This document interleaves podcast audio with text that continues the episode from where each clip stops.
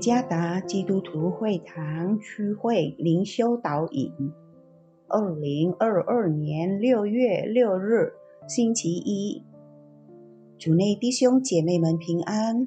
今天的灵修导引，我们要借着圣经《约翰福音》十六章第八到十一节来思想今天的主题：使世界之罪。作者。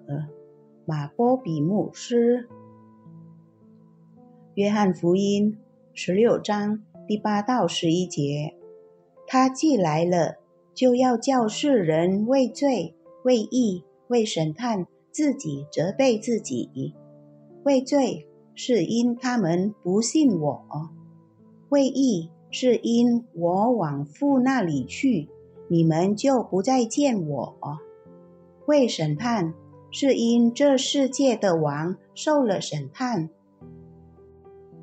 布朗老北是一位苏格兰的贵族，他被圣灵感动，醒悟他所犯的罪孽。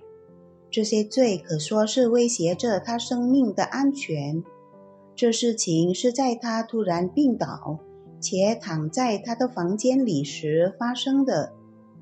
在他的脑海中。交战这一个沉重的挣扎，就是他是个罪人。他因这强烈的渴望要向上帝认罪而压抑。他想要真正的悔改。在我们的周围，还有许多未相信且需要醒悟之罪的人。据大印度尼西亚语词典。嘎比比意意识到 insaf 的意思是醒悟、正确理解，意识到自己的错误，并决心改善自己。人如何才能意识到自己的罪呢？答案是透过圣灵的工作。我们需要祷告，恳求圣灵帮助，来让他们能知罪。在约翰福音第八到第九节，耶稣说：“他既来了，就要叫世人为罪、为义、为审判，自己责备自己。为罪，是因他们不信我。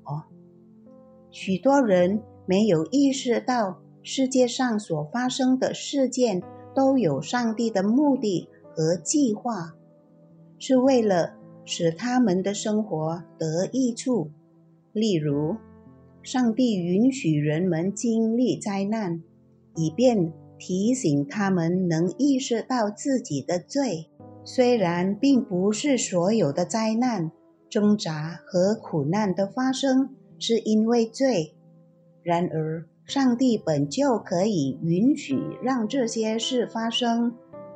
上帝可使用任何的事物。来使人意识到自己的罪。请记得，当我们还是个罪人的时候，圣灵也曾经在我们生活中工作。圣灵帮助我们，透过在我们生活中所发生的事件，使我们意识到自己的罪。这就是上帝如此爱我们的凭据。我们以前是个罪人，却被改变成为活在真理中的人。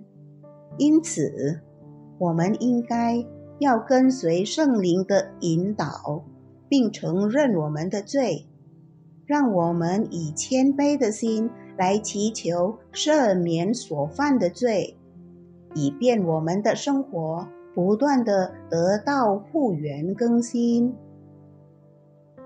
每当罪恶欲掌控我们的生活时，让圣灵时刻不断的提醒我们：主耶稣赐福。